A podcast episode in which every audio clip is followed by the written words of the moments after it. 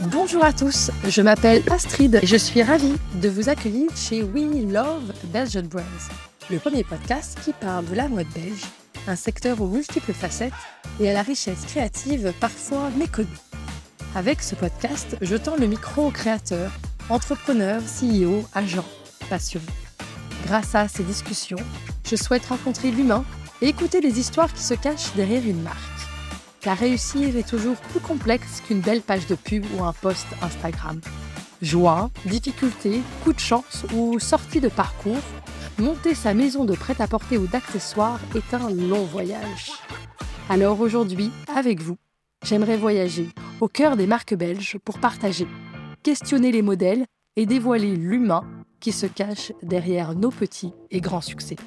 Je vous souhaite dès à présent une belle écoute. C'est avec une immense joie que j'accueille à mon micro Laurent Boxtal, général manager de New Look Fashion Deal, une agence prestigieuse anversoise qui opère sur le Benelux depuis plus de 20 ans. Laurent est le bras droit d'Alex de la Fontaine, le fondateur de l'agence, et il est à la tête d'une belle équipe. Ensemble, ils font un travail de grande qualité et déploient avec passion la distribution de marques comme Vanessa Bruno, Rochas, Laurent Bras, Hiro, Stella Jean, Jérôme Dreyfus, Plancé, Barbara Bui, Erika Cavallini. Une prestigieuse agence, vous voyez, je ne vous avais pas menti. Laurent est aussi un homme au grand cœur, un ambitieux, un gros bosseur, et il est aussi très drôle, sensible, humain, attachant. Laurent est loin d'être un inconnu pour moi puisque j'ai travaillé 11 ans chez New Look Fashion Deal et j'ai tout simplement adoré travailler à ses côtés pendant 10 ans. C'était mon boss, mon manager. Et grâce à lui, son regard bienveillant, son exigence aussi, sa rigueur, son écoute, j'ai énormément appris. Et j'ai adoré cette expérience professionnelle, elle est fondatrice dans mon parcours. Alors je ne vous cache pas qu'aujourd'hui, c'est avec une certaine fierté que j'interviewe Laurent, donnant ainsi la parole à un acteur clé du secteur, un homme de terrain, un concret, mais pas que, car Laurent réfléchit beaucoup. Il se remet en question, il doute, il avance, il est exigeant. Je vous réserve là un super épisode, car vous allez vite comprendre, Laurent aime parler, et il parle très bien, mêlant ainsi intelligence humaine et compétences réelles. Avec cet épisode, je suis ravie de le mettre en lumière. Vous allez voir, il adore ça. Laurent, bonjour. bonjour Astrid, je suis? Presque un peu ému d'entendre ton introduction, donc merci beaucoup. Écoute, moi je commence toujours mes épisodes hum, avec cette première question. Qui es-tu et quel euh, métier rêvais-tu faire enfant? Oh mon Dieu en tant qu'enfant, euh, je crois que j'avais surtout en moi un côté plutôt scientifique. J'adorais la biologie, j'adorais tout ce qui touchait à la médecine. Donc mes premiers pas étaient d'ailleurs dans cette direction-là. Mais je me souviens très bien de mes professeurs qui me disaient à chaque fois que je parlais beaucoup trop que j'avais la tête chaque fois un petit peu ailleurs. J'étais la personne euh, qui était assise tout à fait devant et qui était surtout occupée avec euh, qu'est-ce qu'on mettait le matin, euh, quelles chaussures à mettre quand on arrive dans l'aula à l'université. Et j'ai senti qu'il fallait que je, que je change. Et j'aimais beaucoup le contact humain aussi. Mais dans la parole, euh, j'aimais tout ce qui était beau. Ça, c'est quelque chose que j'ai découvert beaucoup plus tard. Euh, j'étais très sensible aux vêtements, aux apparences, euh, peut-être aussi le regard que portaient les gens sur moi, où je faisais toujours attention à moi-même aussi. Et donc, j'ai voulu toucher à ça plus tard. Et alors là, j'ai bifurqué vers la communication avec une spécialité dans les relations publiques euh, que j'ai adoré. Tout à fait adoré, un autre environnement, d'autres gens aussi, qui pensaient plus comme moi, des ambiances incroyables à l'école aussi, et puis euh, on faisait des présentations, euh, non, beaucoup porté sur la parole, et je crois que c'est quelque chose qui me va bien. Ouais. Et c'est quoi et, tu te présenterais en disant quoi aujourd'hui? Qui es-tu, Laurent? Oh, je dirais plutôt qui, qui je ne suis peut-être pas. Ah. Euh, je suis pas. alors, j'ose espérer que je suis pas quelqu'un de complexé ou de, ou de compliqué. Je pense que vis-à-vis de, de, mon entourage, je suis assez calme, même si intérieurement, je suis souvent une bulle de nerfs, ça c'est sûr. Euh, mais j'essaie de maîtriser qui je suis, d'être doux, d'être beaucoup à l'écoute, euh, que j'ai dû apprendre tout le tas d'ailleurs aussi. Je pense que si tu veux être un bon manager, la première chose qu'il faut faire, c'est pouvoir euh, écouter les gens. Euh, par contre, je suis absolument pas modeste, ça je le dis, euh, voilà, ça je n'ai j'ai pas peur de le dire. Mon père disait avant toujours que les- la modestie est une capacité pour les gens qui n'ont pas d'autres capacités, Euh, et je l'assume complètement. Donc voilà, je pense que ça c'est le, le Laurent qui je suis aujourd'hui. Et euh, je trouve ça intéressant en effet de pouvoir montrer à travers ce podcast des parcours, des parcours de vie, des parcours d'étudiants, des parcours de, de travail. Voilà, puisque je trouve qu'aujourd'hui euh, la vie professionnelle peut être longue et plein de rebondissements. Tout- Et on entendra dans ce podcast un ancien banquier qui a sa malle de bretelles par exemple. Euh, et voilà, donc, donc toi, c'est quoi ton parcours, tes études? Comment t'es arrivé aujourd'hui à la tête de cette si belle agence Alors donc, comme je disais là tout de suite, j'ai d'abord commencé dans le scientifique, hein, en, vétérinaire, euh, qui n'a rien à voir euh, avec la mode, euh, hormis le fait que parfois aujourd'hui on trouve encore des fourrures et du cuir. De là, je suis parti dans les relations publiques et j'ai eu une, une très grande chance dans mes études. C'est qu'à la fin de mes études, j'ai fait un stage pour Unlimited PR qui est spécialisé dans différents types de produits, un peu plus haut de gamme, et ça m'attirait. Ils avaient du beau, des beaux vins, des beaux champagnes. Mhm. Euh, ils étaient spécialisés aussi dans des voyages. Il y avait la joaillerie, euh, des montres et de la mode. Et c'est là que j'ai touché à la mode, euh, aux bijoux pour la toute première fois. Et ils m'ont mis sur un projet qui était dans le temps pour Calvin Klein, où on devait inviter la presse euh, de toute l'Europe pour venir découvrir le diamant sur Anvers. Et comme cette personne était uniquement francophone, c'était la fameuse Madame Hemsch qui venait de Suisse, on m'avait demandé de, mettre ça sous mes épaules et d'organiser de A jusqu'à Z cet événement. Cool. Et j'ai trouvé ça absolument c'était extraordinaire. qui cette Madame M? La Madame Hemsch était la, la grande responsable pour Calvin Klein, joaillerie et bijoux. Ah, ok. Voilà. D'accord. Hum, Et qui faisait ça donc bien évidemment à Anvers, Anvers qui est Ouais, la ville du diamant. Ouais. Et j'ai pu être créatif aussi. Donc j'ai eu la chance d'avoir un petit peu euh, carte blanche, ce qu'on donne rarement à un stagiaire. D'ailleurs, ils n'ont jamais su que j'étais stagiaire jusqu'au tout dernier jour d'ailleurs. Ah, On m'a dit, euh, ben, Laurent, en fait, c'est le stagiaire euh, de chez Unlimited PR. Et là, j'ai vraiment pu mettre mes dents dans quelque chose qui me, qui me plaisait. Il y avait le contact humain, bien Ouais, évidemment, bien avec plein de gens différents, parce qu'il y avait le côté organisation. Ouais.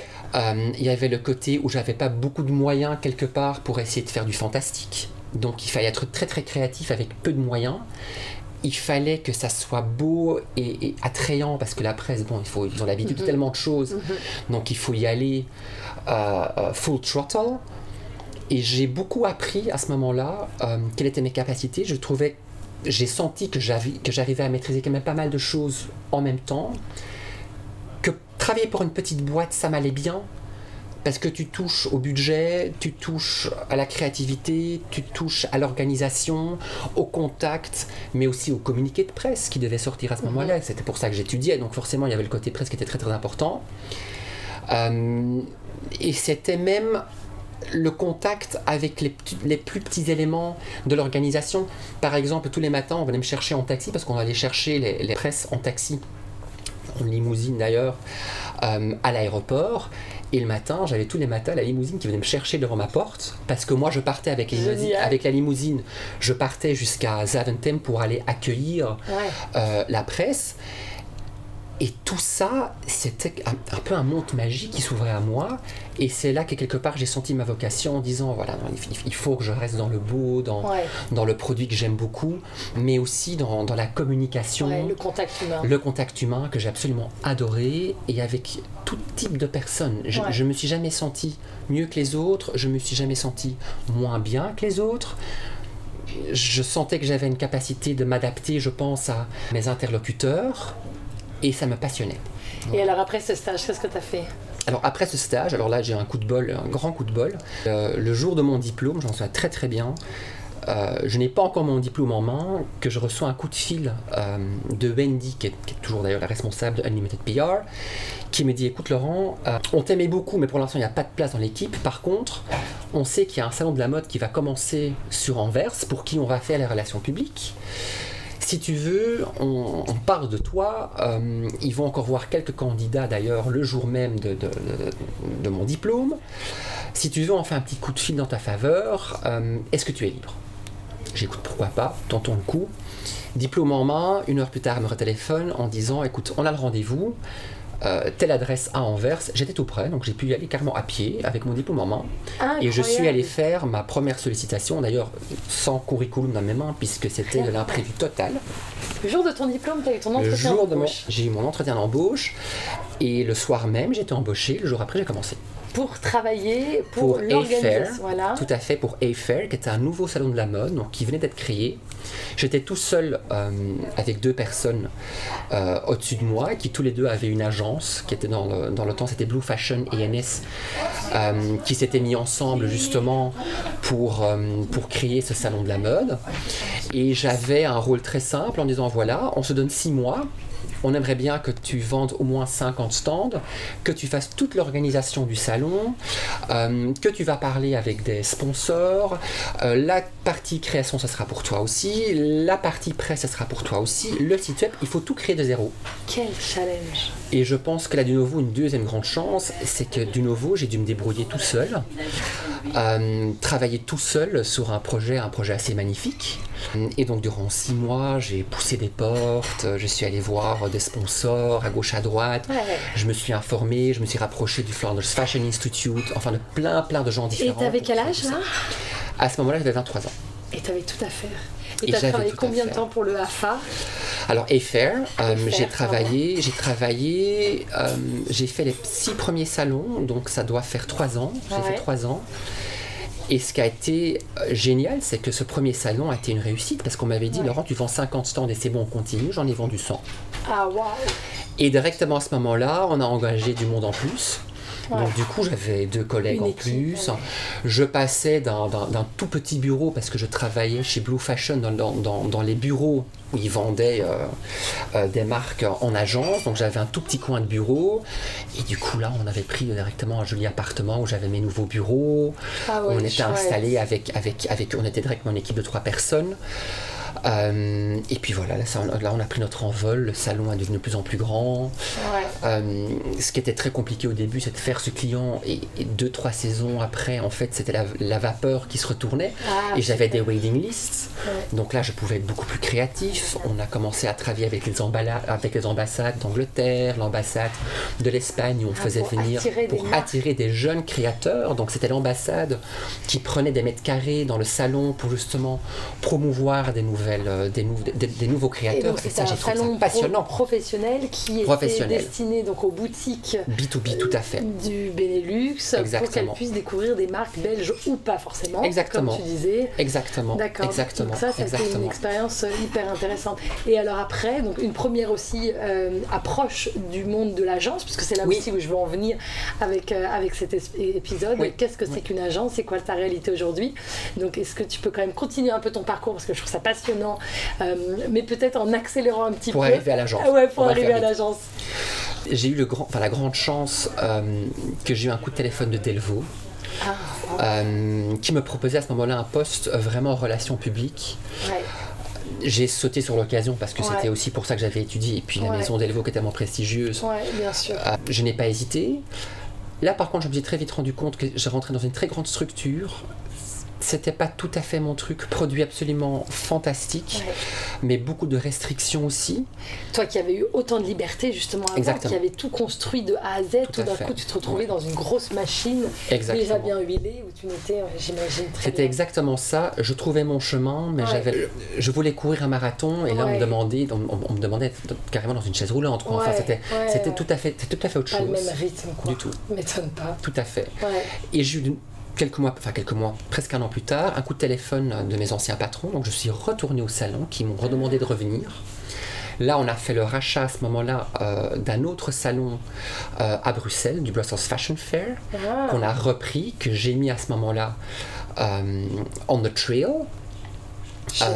de là, pour faire rapide, j'avais exprimé le souhait parce que le salon, au moment où j'avais fait le tour et les choses tournaient, euh, j'étais très attiré par l'aspect agence et comme les boss pour qui je travaillais avaient une agence à côté, ils ont lancé leur propre marque, tout petit d'ailleurs qu'ils ont lancé au salon dont moi j'étais responsable à ce moment-là, ah qui s'appelait Maison Van den Vos. Euh, petite collection d'une vingtaine de 20-25 robes et ça avait directement un succès euh, fulgurant dès jour 1. Dont à ce moment-là j'étais responsable, mais ils Et ont là, vu les choses. De l'âge, j'arrive vers les 25-26, un Ouais, truc comme ça. ça, 26-27. Après Delvaux. Donc, Après Delvaux, le salon de Burens. Exactement. Où là j'avais de nouveau un petit peu les rênes en main, donc j'ai pu toucher aussi à la production. Ouais. Euh, Et de nouveau un projet entrepreneurial en fait, un, un Et projet tout à fait. à tout défricher. Tout à fait. Sauf que les personnes pour qui je travaillais, ils voyaient très gros. Donc on passait d'une petite collection à très grand succès à une énorme machine où on avait 300 pièces euh, hommes et femmes. Ah ouais. Euh, ils ont galopé trop vite. Ouais. Beaucoup trop vite. Ce qui a fait qu'il y a eu un essoufflement très rapide. Donc en une saison de temps, ça a pris une claque énorme pour la simple unique raison que les productions ne savaient plus suivre. Ah. Hmm. Euh, et là, j'ai été téléphoné euh, par Alex de la Fontaine, pour qui je travaille aujourd'hui. Depuis combien d'années maintenant? Ça fait 11 ans. Ça 12? fait. Non, Onze plus, hein. Plus, moi je Non. pense. Hein. à mon avis 12 ou 13. Mais Moi aussi, je pense que ça fait que- 13 ans. On oublie vite. hein. Non, ça va faire ça parce que je suis On a arrivé tout à fait. 10 Non, mais tu as- ensemble. non, mais tu as raison. euh, Tu as raison parce que j'ai commencé chez Alex, j'avais 27 ans, là j'en ai, j'en ai 40. Ça fait 13 ans, Donc ça ce fait que je 13 pense. ans. Mon Dieu, le temps va très vite, ouais. Ouais, Ouais, 13 ans. incroyable. 13 ans, 13 ans. Ouais. Donc depuis Ouais. 13 ans Ouais. à la tête de euh, New Look Fashion Alors pas tout de suite, Non, pas tout de suite, pas tout de Ouais, suite. vrai. Euh, j'ai une très grande chance parce qu'Alex dès le début il avait, euh, il a été très clair et très limpide. Euh, il m'a donné une chance Ouais. au moment que j'avais besoin d'une chance aussi. Euh, et il avait un discours qui était très clair. Il dit voilà, je te donne, je m'en souviens très bien que c'était 6 ou 7 marques, dont Carven, je m'en souviens très très bien, Ungaro Fuchsia, Mugler, euh, que même pas les marques les plus faciles dès Non, le début. Non. Et il m'avait dit voilà, je vais te mettre un budget. Si tu as ce budget, dans six mois, euh, j'aimerais que tu reprennes un peu plus les rênes euh, en main, que tu m'aides. Voilà. Alex a clairement le nez. Toujours eu, et il aura toujours d'ailleurs. Mais je pense qu'il sentait que le monde de l'agence évoluait. Il y avait l'Internet, euh, il y avait les CRM, euh, d'autres programmes. Euh, et que je pense que là, il, il a senti que peut-être que c'était le moment d'avoir quelqu'un qui pouvait rejoindre les équipes pour redynamiser tout ça, Ouais. pour rentrer peut-être un peu plus dans la modernité, pour mettre plus de structure. Ouais. Tu sais, la mode et une agence, c'est l'amour en- entre deux choses où, c'est, où on voit pas directement le clic dès le début. Tu- as un côté très très artistique, très stylistique, très sensible, mais de l'autre côté, tu as du chiffre. Et du chiffre à faire, et des paniers moyens, et des budgets, Est-ce que et des factures. tu peux expliquer, parce que je ne sais pas si toutes les personnes qui nous, euh, nous écoutent euh, savent ce que c'est, est-ce que tu peux raconter, expliquer en quelques phrases ce que c'est qu'une agence? C'est quoi la réalité d'une agence? Alors moi, une agence, c'est un in-between. Déjà, c'est que du B2B, hein, pour commencer. Donc notre clientèle sont les boutiques. Voilà, Et sont plus, précis- Mm. plus précisément les multi-brands. Exactement. Ça, c'est un. Mm. Et l'agence est toujours définie par un territoire. Mhm, Euh, Dans mon cas, c'est le Benelux, mhm. hein, le Land, la Belgique et le Luxembourg. Donc ma clientèle sont les multimarques dans le Benelux. Et je suis un in-between entre ce client final, la boutique, et une maison mère, une marque. Absolument. Ça peut être un groupe ou ça peut être une marque. Ouais. Par exemple, on, on représente Barbara Buis pour le marché du Benelux, qui est encore toujours une, une petite structure. hein, Mhm, Indépendante, tout- française. exactement, Ouais. euh, avec son CEO, mais qui a une marque euh, Ouais. dans l'enseigne de Barbara Buis. Et puis il y a des grands groupes qui ont plusieurs marques, où on va représenter peut-être plusieurs marques. Par exemple, on travaille avec Abraham Industries, où, on a- où nous, nous représentons trois marques. Hein. Euh, Couture, Erika Et Circus Hotel. Ouais. Et ces grandes, ces marques ou ces maisons cherchent quelqu'un qui a l'expertise du marché Mm. et va faire la connexion entre la boutique, le multimarque et la marque même, tout en suivant quelque part les exigences de cette marque aussi. Il y a des marques qui veulent avoir un type de boutique, un environnement, un, un environnement de marque, et nous, dans notre portefeuille, on va essayer de répondre à ça, et donc on va amener ses clients. Mais du début jusqu'à la fin, nous sommes toujours un tiers parti. Ouais. Donc nous invitons le client à découvrir la collection de la maison mère. Et ce client va faire une sélection qui sera livrée à ce moment-là, six mois plus tard. Mais le contrat sera fait entre le multimarque et la maison mère, qui après fera sa facturation et livraison, sur lequel nous, en tant qu'agent, nous avons une commission. Commission qui est toujours payée d'ailleurs sur les factures payé par le multimarque à la maison mère Mhm. qui va nous donner des statements. Et là-dessus, nous avons droit à ce moment-là à une commission. Tout à fait. Voilà. Et euh, donc ouais, je trouve que c'est très très clair, très bien, très bien expliqué. Et donc du coup, l'importance d'un agent, c'est le développement commercial. C'est vraiment de, savoir distribuer ou distribuer, comment distribuer au mieux pour une relation euh, pérenne, avoir une, relation À à long terme, à entre la marque et un marché. Et sachant ça. que, comme tu l'as expliqué, euh, toutes les marques n'ont pas les mêmes exigences, ambitions et, et, et environnement de marque, et Tout donc même fait. univers. Et donc voilà, et donc euh, l'agent qui est le spécialiste du marché euh, sait vers quelle boutique s'adresser pour telle marque ou, ou telle autre. C'est Euh, exact. Et toi, par rapport à, à cette, à cette activité, c'est quoi ton, ton métier? Un peu all around. Euh, je, je pense qu'il est important de, de- de bien aussi décrire le- le- la fonction d'Alex, hein, parce qu'Alex, c'est c'est- c'est number one, le big boss, euh, mais qui est surtout très très très très fort dans la vision de l'agence. Donc, que- quelle marque est-ce qu'on veut attirer, quelle marque est-ce qu'on veut présenter? Euh, et ça, c'est clairement un rôle qui est attribu- attribué à Alex de la Fontaine, euh, tout comme une grande partie aussi encore des, des- des gestions, entre autres des contrats. Et puis on travaille bien évidemment en binôme sur, sur pratiquement la totalité de l'agence. Je pense que moi, ma, ma grande force dans l'agence, je crois que je regarde les collections de manière plus commerciale, plus stratégique. Hein, je pense que c'était aujourd'hui une, réalité qu'une collection doit être belle et doit apporter une vision et, doit répondre à une, demande du marché bien évidemment. Mais ça va beaucoup plus loin que ça. Il y a une mise en prix, il y a une marge, il y a des, il y a des livraisons, il y a toute une stratégie marketing qui est autour également aussi. Donc, donc ça c'est quelque chose que je tire vers moi. Et puis aussi les gestions et l'organisation du showroom même. Euh, ça c'est quelque chose que, que j'adore faire. J'adore mes équipes. L'optimisation, euh, ouais. je pense qu'il y a vraiment deux, deux choses importantes à, à- à dire. C'est donc euh, le- la partie client. En fait, toi, tu es en une interface directe avec le client, tu es tous les jours en contact avec euh, 10, 20, 30, 100 boutiques du Benelux. Donc tu connais euh, les, les marques qui se revendent, les marques qui se revendent pas bien, qu'est-ce qui se passe en Flandre, en Wallonie, au Luxembourg, aux Pays-Bas, sachant que c'est un marché en plus assez atypique. Tout à fait. Euh, donc du coup, toi, tu es vraiment à l'écoute du client. Euh, donc tu peux aussi euh, aider les, les marques à évoluer. Je trouve euh, ça c'est je trouve une, une vraie chance quand on a un expert sur son marché de pouvoir raconter c'est quoi la réalité de ton client, ton marché. Tout à Et puis en effet, je pense que tu as raison de, de le dire. Mais euh, et je me permets de prendre la parole parce que j'ai vécu quand même 10 ans cette expérience, mais donc je sais un peu ce que c'est que le métier de Laurent. Mais en effet, euh, cette organisation, toute cette mécanique derrière des rendez-vous, des agendas, une prise de commande, tout un suivi pour que ce soit du plus fluide possible pour le client, ce parcours d'achat qui soit fluidifié. euh, euh, avec en effet cette dimension, il faut appeler les clients, il faut appeler beaucoup, il faut aller sur la route. Et donc il y a ce suivi-là qui est un travail d'équipe. Ouais, Et euh, ça, je pense que c'est vraiment la réalité du- d'une agence en fait. C'est un travail d'équipe, de savoir en équipe accompagner un client, euh, donc une boutique, vers une à plusieurs marques pour qu'il le revende bien, pour que ça Tout le corresponde. Et ça, fait. je pense que tu fais ça super bien. Enfin, tu vois, c'est vraiment euh, ce travail de management euh, d'équipe. Mais écoute, je Euh, l'espère, enfin je l'espère en tout ouais. cas. Je pense qu'il y a aussi quand même une grande évolution de ce côté-là aussi. Je pense qu'il y a eu un temps où les agences étaient dans une position plus confortable, où c'était le client qui allait à la recherche d'une marque Ouais, et l'agent qui pouvait mettre certaines exigences, ouais, qui se portait plutôt bien en faisant du business, fast business assez rapidement. ouais.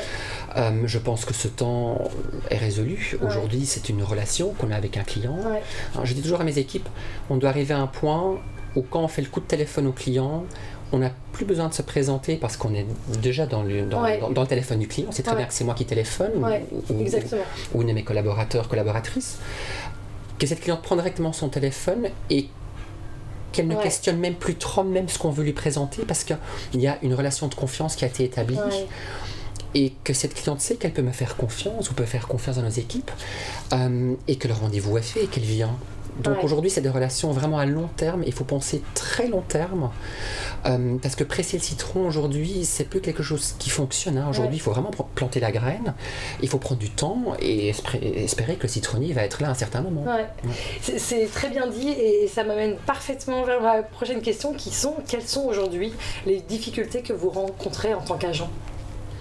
Alors aujourd'hui, je pense déjà qu'il n'y a plus vraiment de fil rouge dans ce que les gens veulent dans la mode.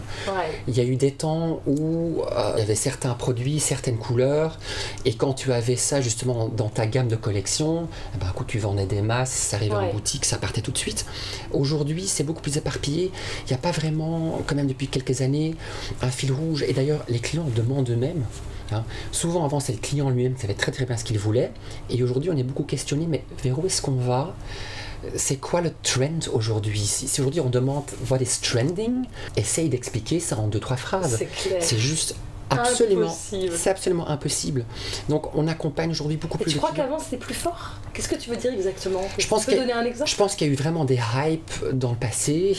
Euh, quand le blazer est arrivé, ben c'était le blazer, tout le monde devait en avoir. Enfin, il y avait, il y a certains chez, mais maintenant il y a tout. Mais, maintenant il y a de tout. Il n'y a plus vraiment une couleur ou, un certain style euh, qui est très tranché et que les gens s'arrachent absolument. C'est vrai. Euh, il y a des, il y a des vrais special stores aujourd'hui euh, qui vont dans, le plus habillé, il y en a qui sont beaucoup plus sportifs. Même dans les collections, on trouve de tout dans, des collections qui amènent un, total look. On va de plus en plus vers, vers des collections qui ressemblent un peu à un wardrobe. Il y a nightlife, daylife, leisure wear, même un peu de sports gear, de la robe, de l'habillé, du coton. C'est beaucoup plus large. Euh, et ça, sont des choses qui ont comme extrêmement changé les derniers temps, c'est sûr. Et comment justement tu convaincs une, une boutique d'acheter une marque ou une nouvelle marque? Mais déjà, je pense que c'est très important de savoir qui est la boutique. Et mhm. quand on fait ce coup de téléphone ou une visite à la boutique, qu'on lui propose un produit déjà qui rentre dans son brand environment. Téléphoner quelqu'un pour lui vendre du tout n'importe quoi, ça fonctionne absolument pas. Donc il y a déjà une analyse qui se fait de la boutique. Et donc, quelque part, quand tu fais l'approche de la boutique, tu parles un discours qu'elle connaît. Parce que tu lui présentes une marque qui va avoir un brand positioning qui sera déjà quelque part dans un brand environment que la cliente représente elle-même. Mais d'un autre côté, qui ne va rien manger qui sera une réelle valeur ajoutée. Et une valeur ajoutée, ça peut être parce que le style est juste un peu différent, mais qui touche à une clientèle existante, donc son panier moyen. Tout ce qu'ils veulent faire, c'est avoir un panier moyen plus grand ou attirer elle-même un client final nouveau. Ouais. Euh, ça, c'est ce qu'une boutique veut faire. Il faut toujours avoir une cliente existante qui va acheter de préférence plus, donc il faut avoir un produit qui répond à cette demande. Et puis, il faut aussi avoir des produits qui vont attirer une nouvelle clientèle dans la boutique. Euh, ça, je pense que c'est, que c'est très très important. et donc, on va convaincre cette cliente parce qu'on va justement répondre à cette demande, parce qu'on a fait l'analyse de sa boutique et qu'on va lui apporter quelque part une réponse euh, à une question qu'elle se pose, parce que les clients se posent toujours la question, non mais c'est quoi la prochaine collection que je veux acheter? Mhm. et qu'est-ce que j'ai besoin? Eh bien nous, on vient avec cette réponse et, les marques et les clients existants que tu as sur une marque Comment tu maintiens ces budgets, ces budgets?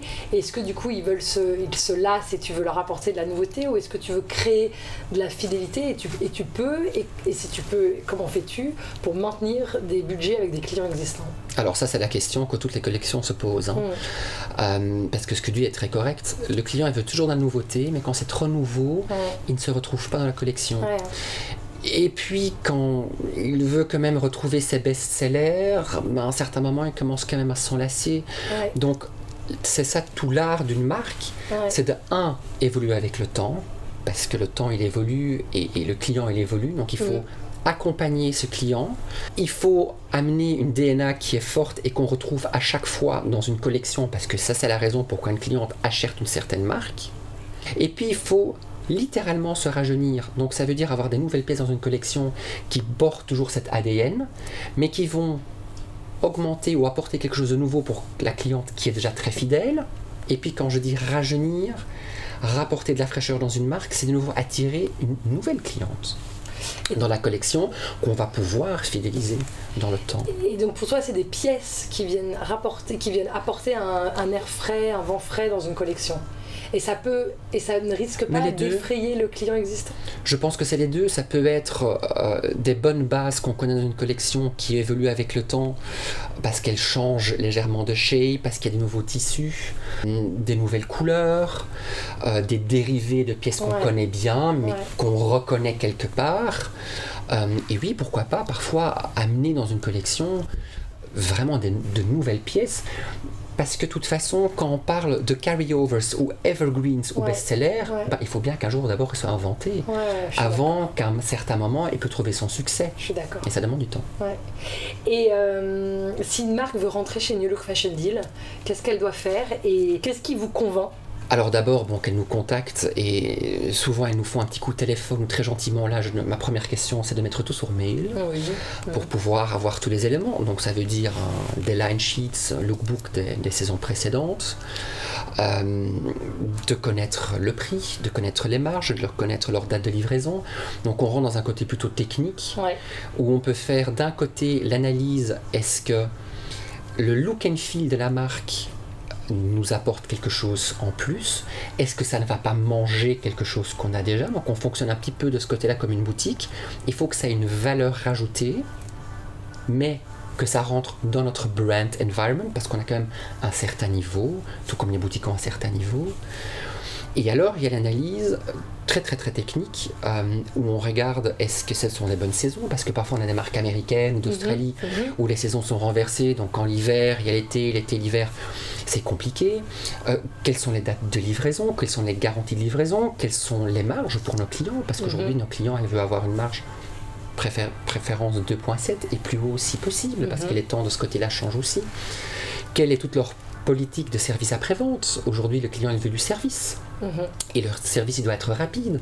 Quand ça se ne vend pas, est-ce qu'on peut faire des échanges? Quelles sont les, les conditions d'échange? Donc, on va Ouais. beaucoup plus loin dans la matière pour être sûr que la marque répond bien évidemment à ce fameux look and feel, mais il faut aussi que, que, que- que toutes les lumières se mettent aussi au vert Ouais.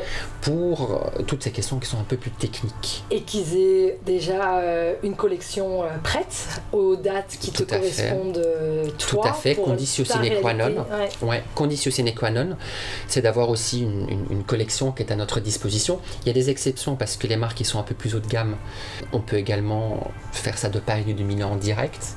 Mais pour la majorité quand même notre chiffre d'affaires, il faut qu'on ait tout à fait une, une sample collection à notre disposition pendant nos dates. Ouais. Et aussi pendant un, un temps raisonnable, hein, on parle quand même chaque fois de 4-5 semaines, car nous, nous brassons quand même beaucoup de clients, beaucoup de prospects, et qu'il faut qu'on puisse se donner le temps et les moyens pour pouvoir présenter la collection à un maximum de Est-ce que prospects. et de tu peux redire un peu les dates à peu près qui sont importantes dans, dans, Tout à fait. dans le dé- pour un développement commercial? Alors tout à fait, là on a présenté les collections euh, d'été euh, 23. Les pré-collections, nous les présentons toujours fin mai et les trois premières semaines de juin et j'essaye, nous essayons en tout cas de clôturer avant la Paris Fashion Week, Mhm. plus ou moins.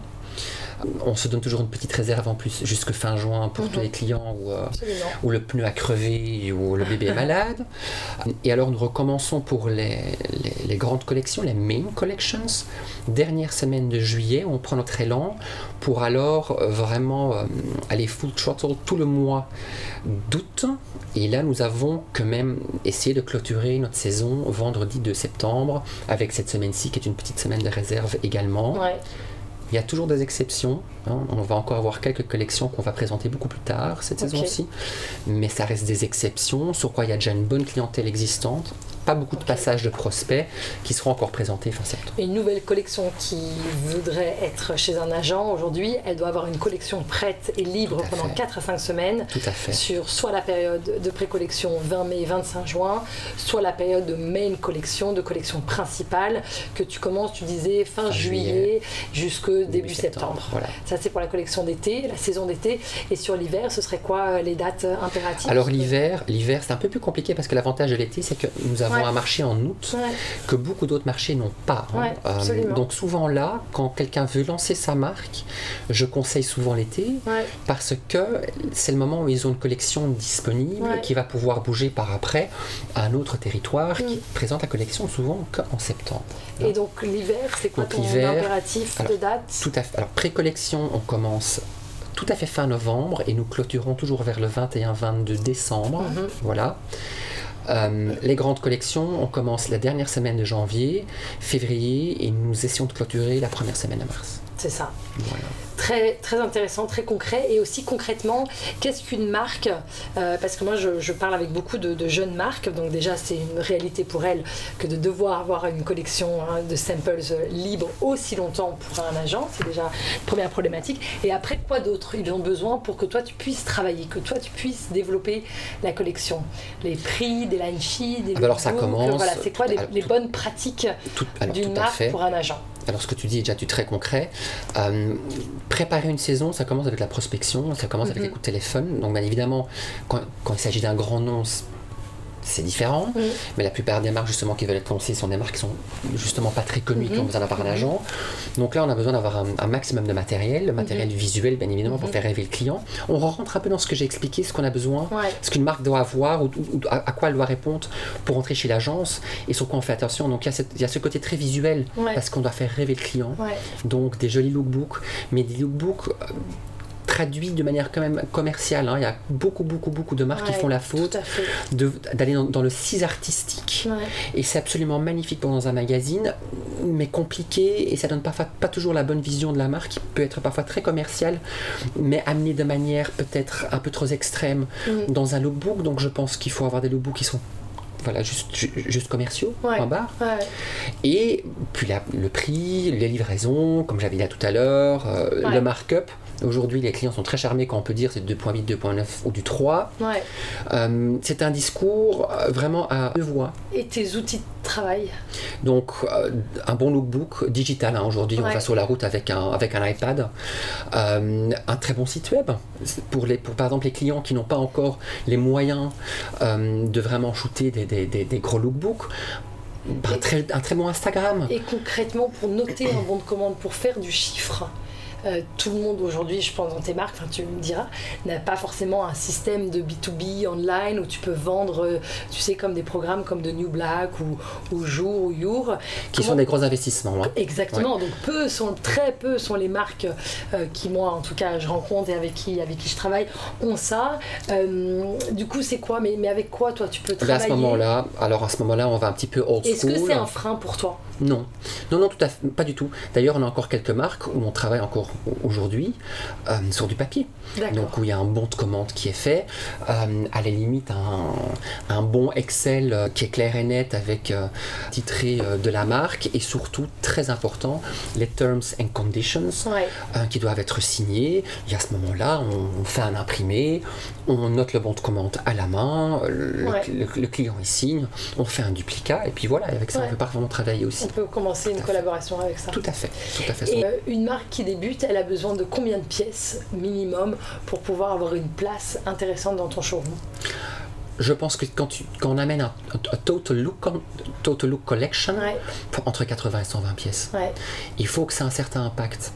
Euh, si la collection euh, ne dispose pas d'assez assez de pièces uniques, Mhm. de style unique, souvent je propose à ce moment-là de nous envoyer plusieurs couleurs. Ouais. Parce qu'il faut avoir un impact visuel quand la cliente elle rentre. Quand ça a l'air trop maigre, ça devient plus compliqué. ouais. Maintenant, ça dépend naturellement du produit. hein. Oui, si on oui. parle par exemple d'une collection beachwear ou underwear, j'ai pas besoin d'avoir 120 Oui. dans mon showroom. Mais total, total look a collection, Et au moins 80 pièces, idéalement 120 pièces. Ouais. Est-ce que tu as des collections produits qui ne seraient que des chemises ou que du pull ou que de la robe? Est-ce que ça, c'est intéressant pour toi en tant qu'agent Mais tout à fait. hein. Ben, nous avons deux, deux collections par exemple de, de cachemire. Donc on rentre déjà dans du produit, on n'utilise qu'un matériau. Ouais, Et puis ce n'est que du pull. ouais, Euh, sur quoi nous faisons de, de très beaux chiffres d'affaires. ouais, Nous faisons le D-Squared euh, Underwear and Beach. Euh, le nom parle pour soi, hein, c'est surtout du, du sous-vêtement. Et en été, nous avons également le swimwear. Et sûr. puis nous avons 100 120% lino, qui est une collection. On peut parler quelque part d'un total look, mais c'est que du lin. Ouais. Euh, et qui fonctionne d'ailleurs très très bien. Euh, je pense que. C'est du lin, Tout exactement. à fait. Ouais. Donc je pense que du moment qu'on trouve une bonne DNA dans une collection, oui, moi je suis d'ailleurs très ouvert à des collections euh, produits et une bonne collection produits peut résulter dans du très très beau chiffre d'affaires. Tout à fait, tout à fait. J'en- ça, j'hésite pas une seconde. C'est quoi pour toi euh, Est-ce que tu as des exemples euh, Un bon partenariat, justement, c'est quoi une bonne collaboration agent-marque pour toi? De, de quoi Qu'est-ce que tu attends d'une marque pour pouvoir être content, toi, en tant qu'agent? Je pense que déjà, il faut qu'on enlève à ce moment-là un petit peu la perception de gens qui travaillent pour, euh, pour la grande maison de mode. Ouais. Je pense qu'on doit se voir comme des partenaires Ouais. parce qu'on a tous les deux le même but. Parfois les gens oublient ça. Euh, si moi je fais de l'argent, ma marque fait de l'argent, Ouais, mon client fait de l'argent. Ouais. Euh, donc on est tous un tout petit peu du, du même côté. Donc ça c'est important d'avoir cette perception qu'on est tous dans le même bain Ouais. et qu'on travaille main dans la main. Euh, moi j'apprécie surtout un fabricant qui est, qui est à l'écoute. Mhm. Euh, J'imagine qu'il y a beaucoup de territoires. Tous les territoires ont d'autres exigences, Mhm. mais il y a aussi beaucoup de points communs entre les différents territoires. Euh, et c'est ça, je pense que les plus beaux parcours qu'on a avec une marque, c'est quand on, travaille vraiment main dans la main et qu'on se sent dans la même équipe et qu'on peut tous dire, sans réserve, Ouais. dans les deux sens. Euh, Moi qui peux critiquer une collection ou dire ce qui me manque et avoir quelqu'un de l'autre côté qui est à l'écoute et qui Ouais. peut éventuellement à ce moment-là encore rectifier le tir. Hum, Et que de leur côté, euh, une marque est honnête, une marque qui n'est pas à l'écoute et qui me dit mais tu es le premier qui me téléphone ou je n'ai jamais eu cette remarque ou il n'y a aucun client qui se plaint. On sait très bien que ça sont des, des discours euh, d'il y a 20 ans. Euh, donc je pense qu'on doit être dans, travailler ensemble en toute transparence. Euh, Oui, pour le, réactif sur l'un l'autre. Exactement, et marcher dans la même direction, Ouais. euh, c'est exactement ce qu'il faut faire. Ouais. C'est main dans la main. Et est-ce que tu comprends euh, les marques qui peuvent avoir peur de l'agent qui est court-termiste? Oui. ou, ou bien l'agent qui, de toute manière, a son trafic client, donc il accepte des marques, parfois même il demande un loyer, donc il gagne de l'argent avant même d'avoir écrit un bon de commande parce qu'il a une adresse dans des capitales européennes. Et donc il exige euh, de l'argent de la marque, il pend la collection, mais en réalité, euh, et, il, et il peut en effet être fier d'un gros trafic client parce que il est là depuis 20 ans, 30 ans, il a des marques qui génèrent euh, du succès, mais en réalité, après, ça fonctionne pas comme ça. La, la marque, il faut aussi l'accompagner. Je suis entièrement d'accord. Et euh, Je suis entièrement d'accord là-dessus. Alors là, je pense que ça commence une bonne, une bonne conversation et je pense que la marque doit être à l'aise et un petit peu ressentir comme est l'agent. Mais c'est un très bon point parce qu'effectivement, je pense qu'il y a beaucoup d'agents qui aujourd'hui euh, sont arrivés à un, à un stade de succès mhm, euh, et qui effectivement euh, prennent des petites marques. Ça marche, ça marche, ça ne marche pas. Bon, mais écoutez, on a fait ce qu'on a pu. ouais, on- la marque va profiter bien évidemment d'un grand passage dans le showroom, mais c'est une, vraie pour faire la réalité. Ah, Alors je suis entièrement d'accord, il faut avoir quelqu'un ouais. qui prend le bon client et qui met le client Et sur on- la marque. Et on sait bien que le personnel coûte cher et du bon personnel, c'est évidemment pas tout forcément à fait. évident. Alors tout à fait. Alors je suis Il y entièrement a beaucoup de d'accord. marques aujourd'hui, moi je connais euh, de près, qui, qui ont perdu de l'argent en fait, qui ont Mhm. été très déçus et, et donc qui peuvent avoir aussi une image un peu euh, négative de l'agent. Qu'est-ce que tu Que je peux entièrement. Alors Ouais. je respecte et je comprends ça tout à fait. Maintenant de notre côté en tant qu'agent, euh, et comme j'ai déjà expliqué avant, notre but c'est d'avoir justement cette marque à la valeur ajoutée. Ouais, Donc je pense que ça commence avec la perception de qu'est-ce que tu veux rechercher dans ton showroom. Nous avons X mètres carrés, et là je parle un petit peu à travers des lunettes de l'agent. Mhm. Nous ne pouvons aujourd'hui pas nous permettre d'avoir 120 pièces dans un showroom qui dorment et qui ne génèrent pas de l'argent.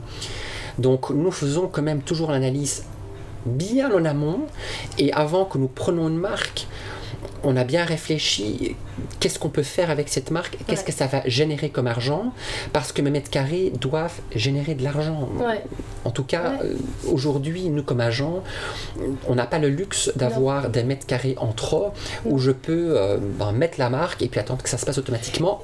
Je n'y crois aujourd- En tout cas, aujourd'hui, je n'y crois absolument, absolument plus. Aujourd'hui, New Look Fashion Deal, c'est une équipe de combien de personnes et combien de marques?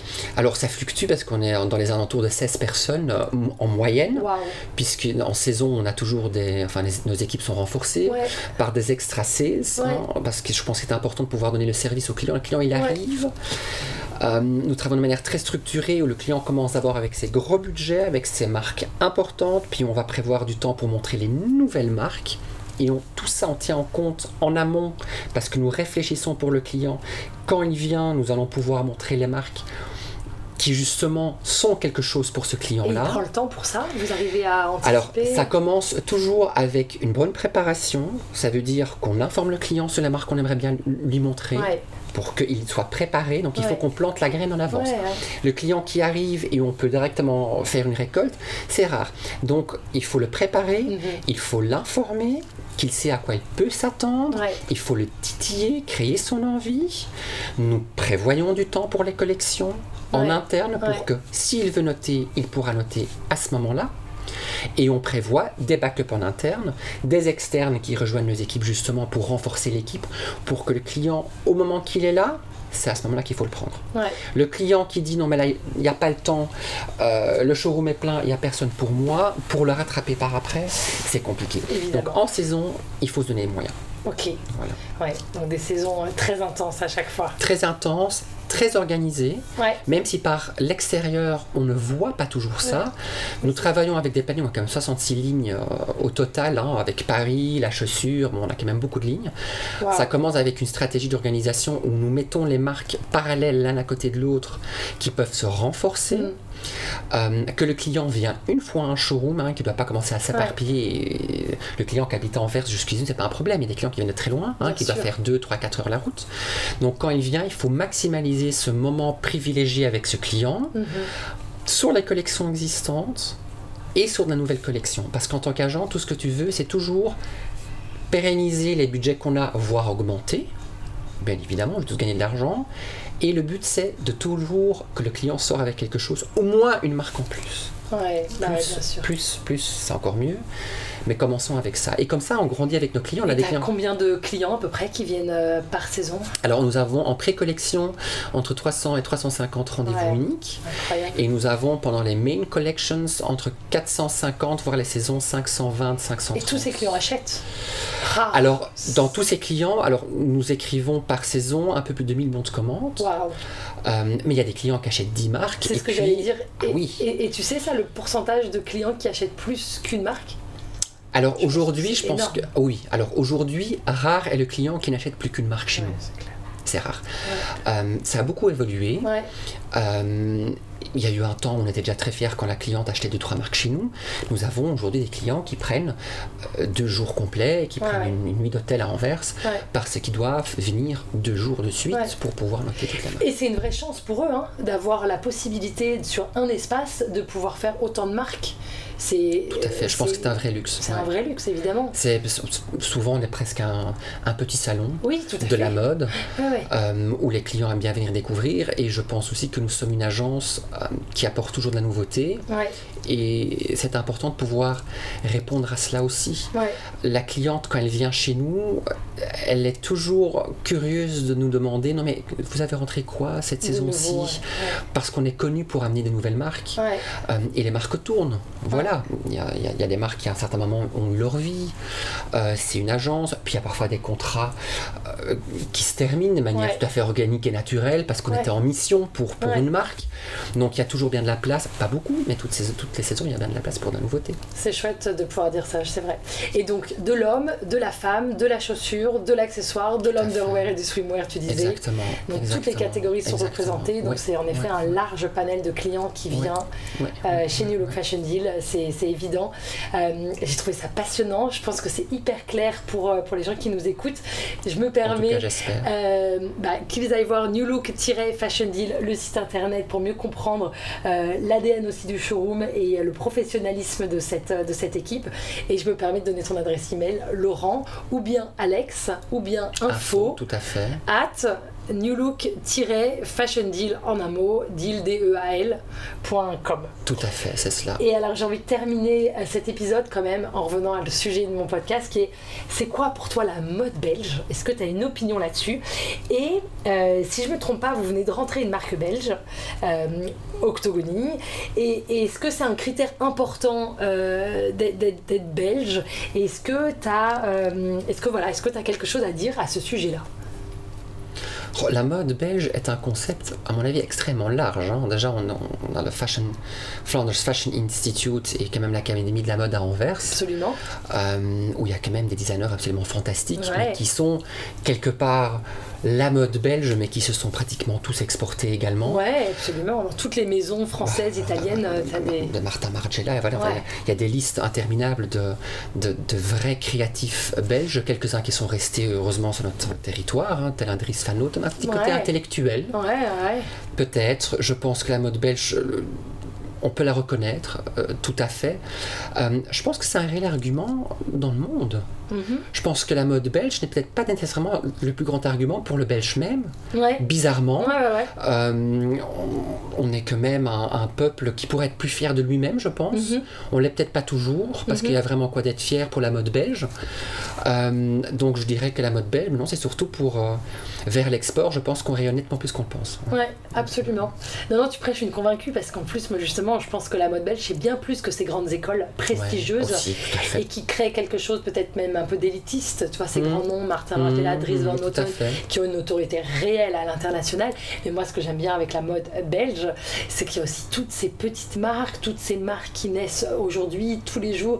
Il y a beaucoup de choses. Et donc, c'est là où tu te rends compte que pour un si petit pays, il y a une créativité et un dynamisme Mm. énorme.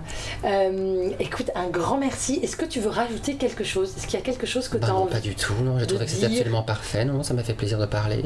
Voilà. Donc voilà, j'adore parler. Donc voilà, c'est fait. Et en plus, on a la chance d'avoir un parfait bilingue. Donc, on va de ce pas maintenant enregistrer euh, l'épisode en néerlandais. Top. Mais euh, voilà, écoute. Et ma dernière question, Sissi, c'est qui souhaiterais- souhaiterais-tu écouter à ce micro? Qui serait dans la mode belge, évidemment. Est-ce qu'il y Quelqu'un. a- est-ce qu'il y a des gens. euh, Oui. Quelqu'un que j'aimerais bien entendre parler parce que je pense que c'est quelqu'un qui va avoir une, une dynamique pas possible et une entière enthousiaste absolue. C'est Inge Hansen Ah oui, je suis tout à fait d'accord. Ouais. Parce que c'est quelqu'un de très bubbly Ouais, et de très humble. ouais, ouais. ouais. Et c'est quelqu'un que je pense que j'aimerais beaucoup entendre dans un podcast. Bah, J'en ai fait, très envie, entendre en tout cas. d'entendre son parcours, qui est quelqu'un qui a aussi commencé. Non, oui, non, vraiment. Je, je l'admire beaucoup. Ouais, personne. ouais, ouais, ouais, ouais, tout à fait. Euh, j'adorerais. hein. Alors là, vraiment, j'adorerais. Et je t'avoue que j'aimerais aussi avoir euh, euh, Inge pour évidemment la partie créative, Oui, mais sûr. aussi avoir quelqu'un de la partie plus business, business développement. Tout à Donc voilà, mais c'est dans ma dream list euh, des acteurs d'essentiel, euh, qui est quand même une grande marque belge euh, que j'aimerais avoir à mon micro. Écoute, un grand merci Laurent, Merci à toi. et puis à très bientôt. À bientôt.